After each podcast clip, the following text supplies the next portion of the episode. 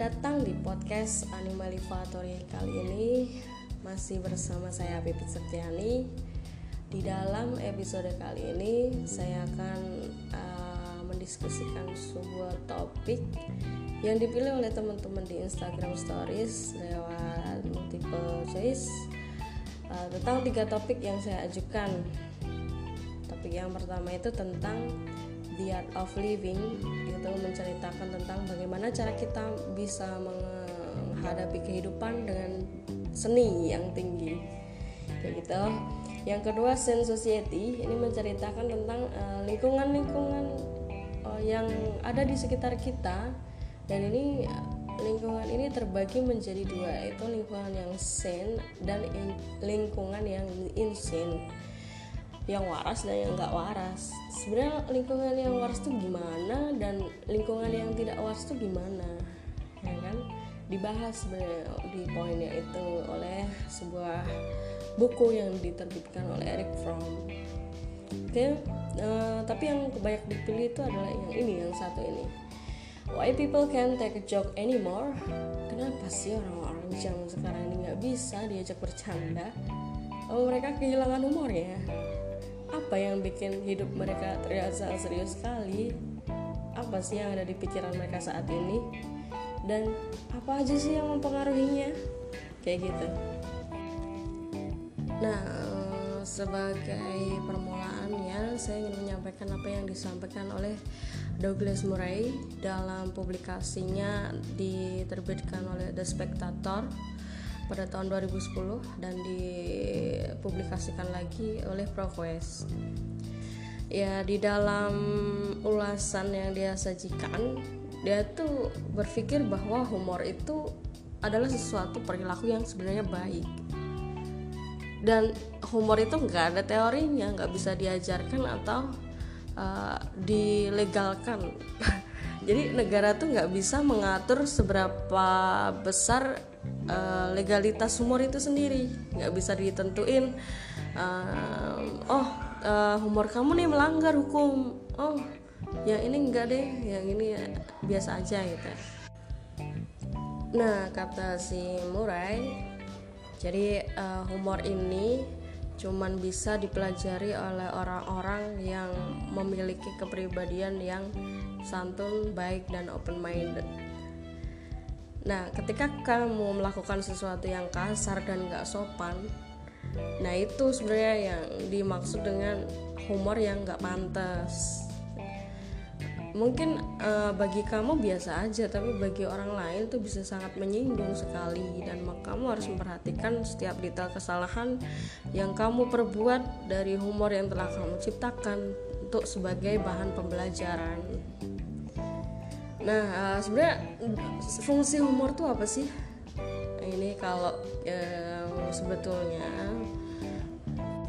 fungsi humor itu adalah jadi sebagai pereda kekakuan.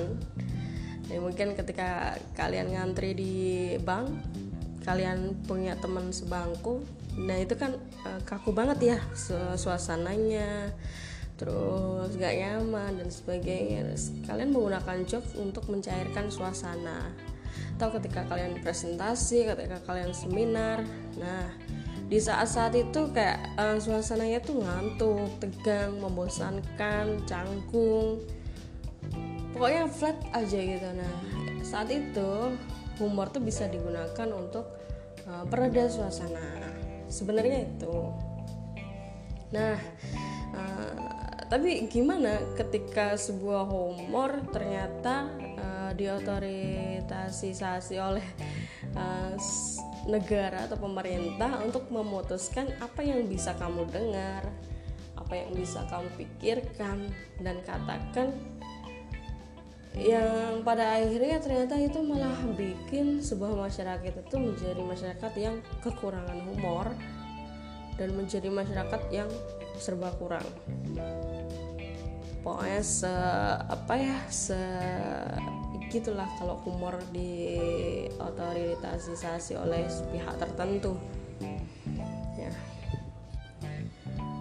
Dan kalau humor yang diotoritasasi bertemu dengan ketidakberuntungan maka yang terjadi adalah seperti isu yang sekarang sedang hangat yaitu tentang bintang Emon yang uh, dia di dia habis mengkritik pemerintah kemudian ada beberapa isu yang menerpa dia. Saya tidak akan membahasnya lebih dalam karena nggak tahu yang sebenarnya bagaimana dan tidak terlalu mendalami isusnya jadi uh, intinya itu ketika humor itu digunakan dan ada kelompok otoritas yang terlibat dan kemudian tersinggung maka humor itu sendiri bisa membahagiakan diri orang yang melontarkan humor itu sebagai uh, di, dianggapnya humor yang dia lontarkan itu sebagai suatu serangan Padahal kalau menurut kita, menurut kita tuh siapa?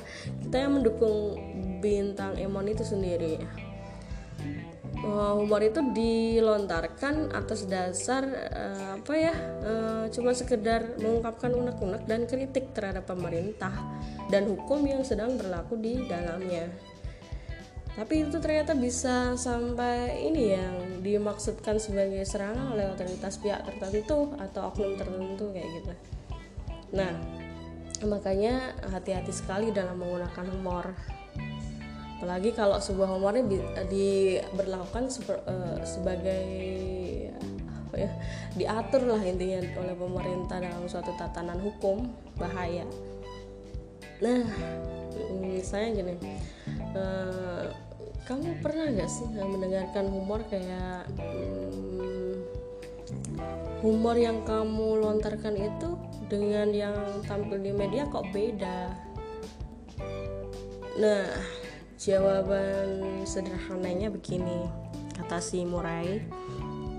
Um, pada tingkat tertentu humor itu tidak bisa direalisasikan sebagai permasalahan yang sederhana. Kadang apa yang dikatakan, ditulis, dan disiarkan di media kita hari ini bukan diputuskan oleh seorang editor di dalam suatu redaksi apa kantor birokrasi dan redaksi bukan juga oleh komisionernya tetapi sebagai tetapi ditentukan oleh um, otoritas birokrasi labirin yang tidak terbuka terhadap uh, pelecehan liar oleh seseorang yang uh, mengklaim menyampaikan kritik lah, menyampaikan perasaan terluka mereka lah dan sebagainya. Nah, hmm, sebetulnya humor pada zaman sekarang pun berbeda dengan humor pada zaman dahulu. Kalau humor zaman dahulu itu sering kali itu cukup hanya dengan membuat diri kita terlihat bodoh dan mentertawakan kebodohan kita itu. Kayak di film-film Sri Mulat kayak di film apa film-filmnya si Warkop DKI itu mereka humornya sangat sederhana sekali mereka hanya cukup membuat diri mereka terlihat konyol di layar kaca membuat diri mereka terlihat sial dan kemudian kita bersama-sama menertawakan kehidupan. Nah, kalau umur zaman sekarang melalui media sosial dan eh, elemen-elemen digitalisasi yang mendukung saat ini seperti adanya Twitter, Facebook. Nah, ini humor ini nah uh, humor ini diarahkan ke hal-hal yang kita itu nggak punya waktu untuk tersinggung oleh humor itu sendiri gitu loh.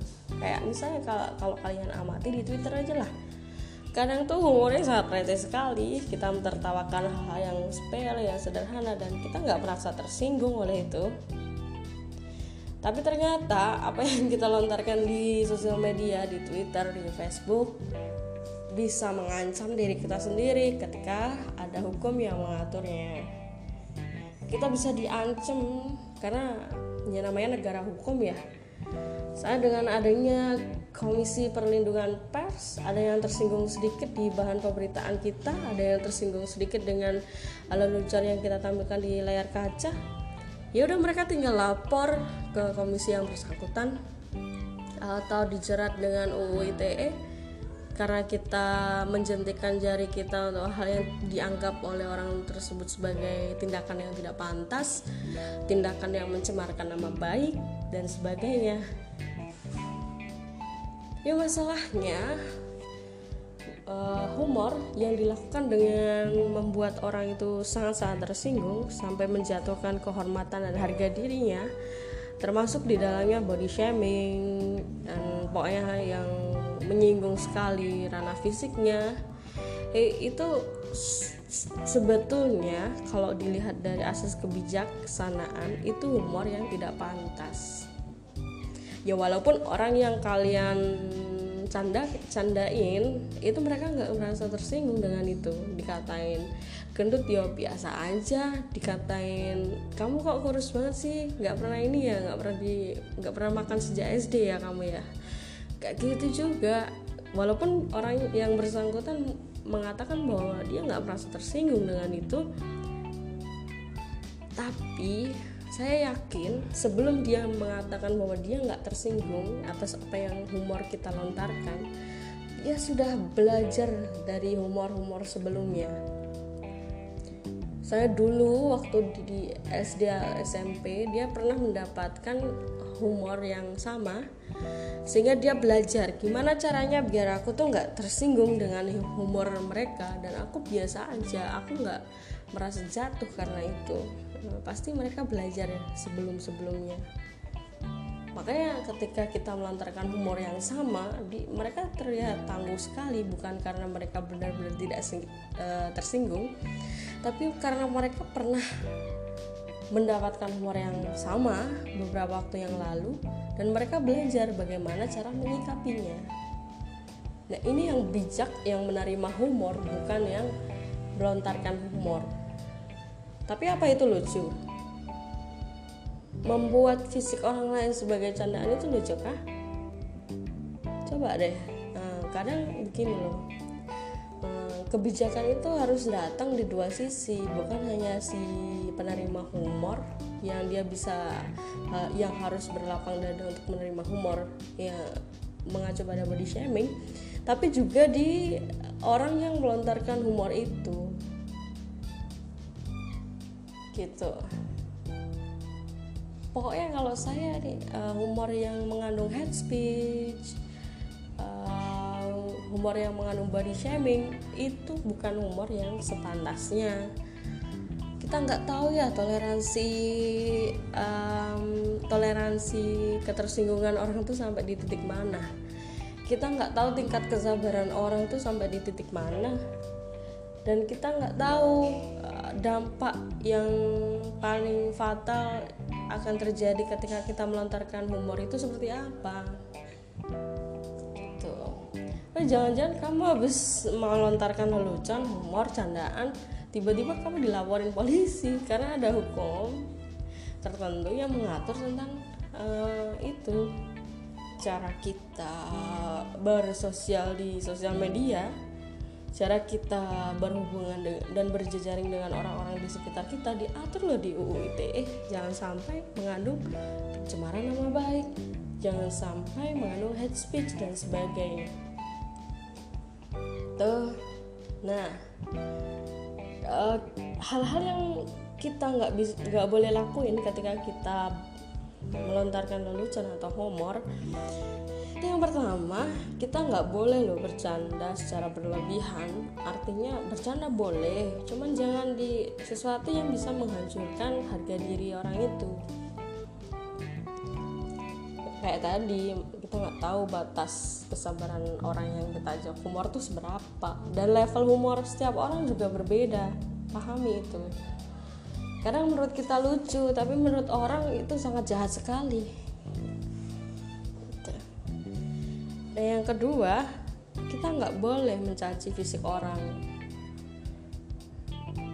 Are you better yang orang yang kamu caci itu kalau kamu lebih baik merasa lebih baik bukan berarti kamu bisa menjelek-jelekan orang itu dengan humor yang kamu pilih kan? Kamu bisa uh, menciptakan humor dengan cara yang lain. Saya mentertawakan kebodohanmu sendiri, kekuranganmu sendiri, dan gak akan ada orang yang tersinggung kok dengan itu. justru kamu membuat orang lain menikmati kekurangan kamu. Dengan jalan itulah humor bisa mencapai titik relaksasinya tanpa ada beberapa pihak yang cedera. Gitu. Saya juga pernah dilontarkan humor eh kamu kok uh, namanya uh, nama kamu kok kayak burung pipit tapi burung tuh biasanya kecil harusnya. Kenapa kamu besar gitu ya? Maksudnya berisi gitu. Waktu itu saya tersinggung waktu pertama kali saya mendengarkan humor yang dilontarkan kepada saya. Saya tersinggung tapi saya belajar menghadapinya.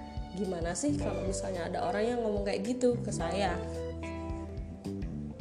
Saya sebagai orang yang dewasa saat ini nggak mungkin merasa tersinggung lagi kalau ada orang yang bilang seperti itu. Dulu saya sangat tersinggung tapi saya juga tersinggung sama orang-orang yang ada di media yang menyinggung pemerintahan saat ini dan sebagainya tapi yang penting bukan perasaan tersinggung saya. Tapi bagaimana perasaan mereka saat uh, humor yang sama terlontarkan kepada mereka?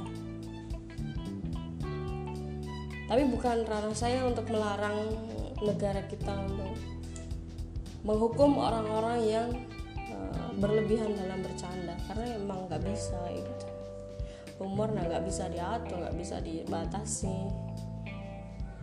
Hanya bisa diingatkan aja sebagai uh, apa rasa kepedulian terhadap sesama. Susah banget pokoknya di sekitar kita ini.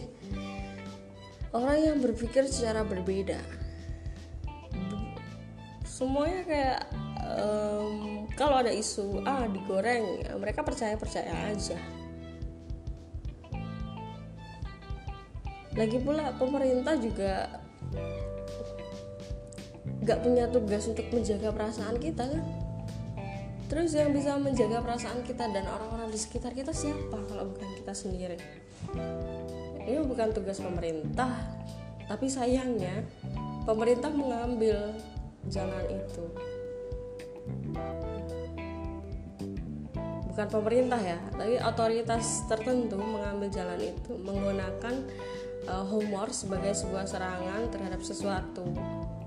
Akhirnya bisa aja dijerat pakai UU ITE bisa dijerat pakai pencemaran nama baik dan sebagainya.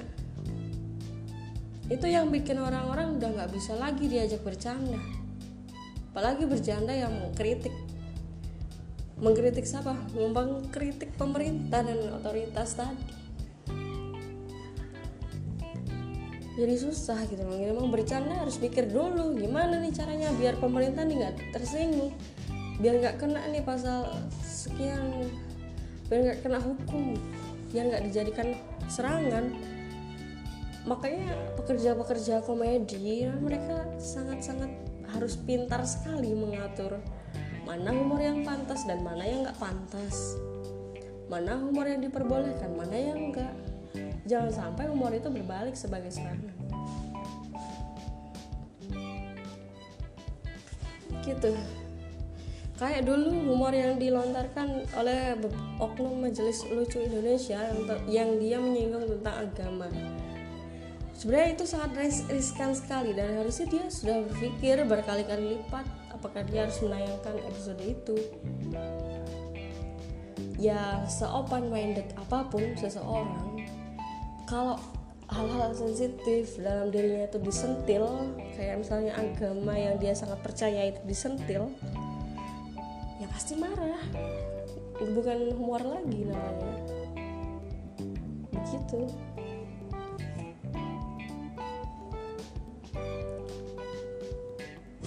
Nah, sebagai penutup, jangan jadikan agama atau kepercayaan seseorang, sisi sensitif orang itu sebagai humor. Ayo cerdas-cerdaslah dalam memilih materi humor. Dan humor untuk kritik itu diperbolehkan. Tapi hati-hati dan harus penuh pertimbangan ketika mau menggunakannya. Jangan sampai humor menjadi bahan serangan oleh pihak otoritas yang sedang berkuasa. Nah, sebuah masyarakat di mana otoritas pemerintah itu bisa memutuskan apa yang kamu dengar, apa yang kamu pikirkan, apa yang kamu katakan, bukan cuma menjadikan masyarakat itu kurang humor, tapi juga bikin masyarakat itu menjadi sebuah kurang. Hidupnya tuh kayak flat aja gitu loh, pokoknya ada yang kurang gitu rasanya.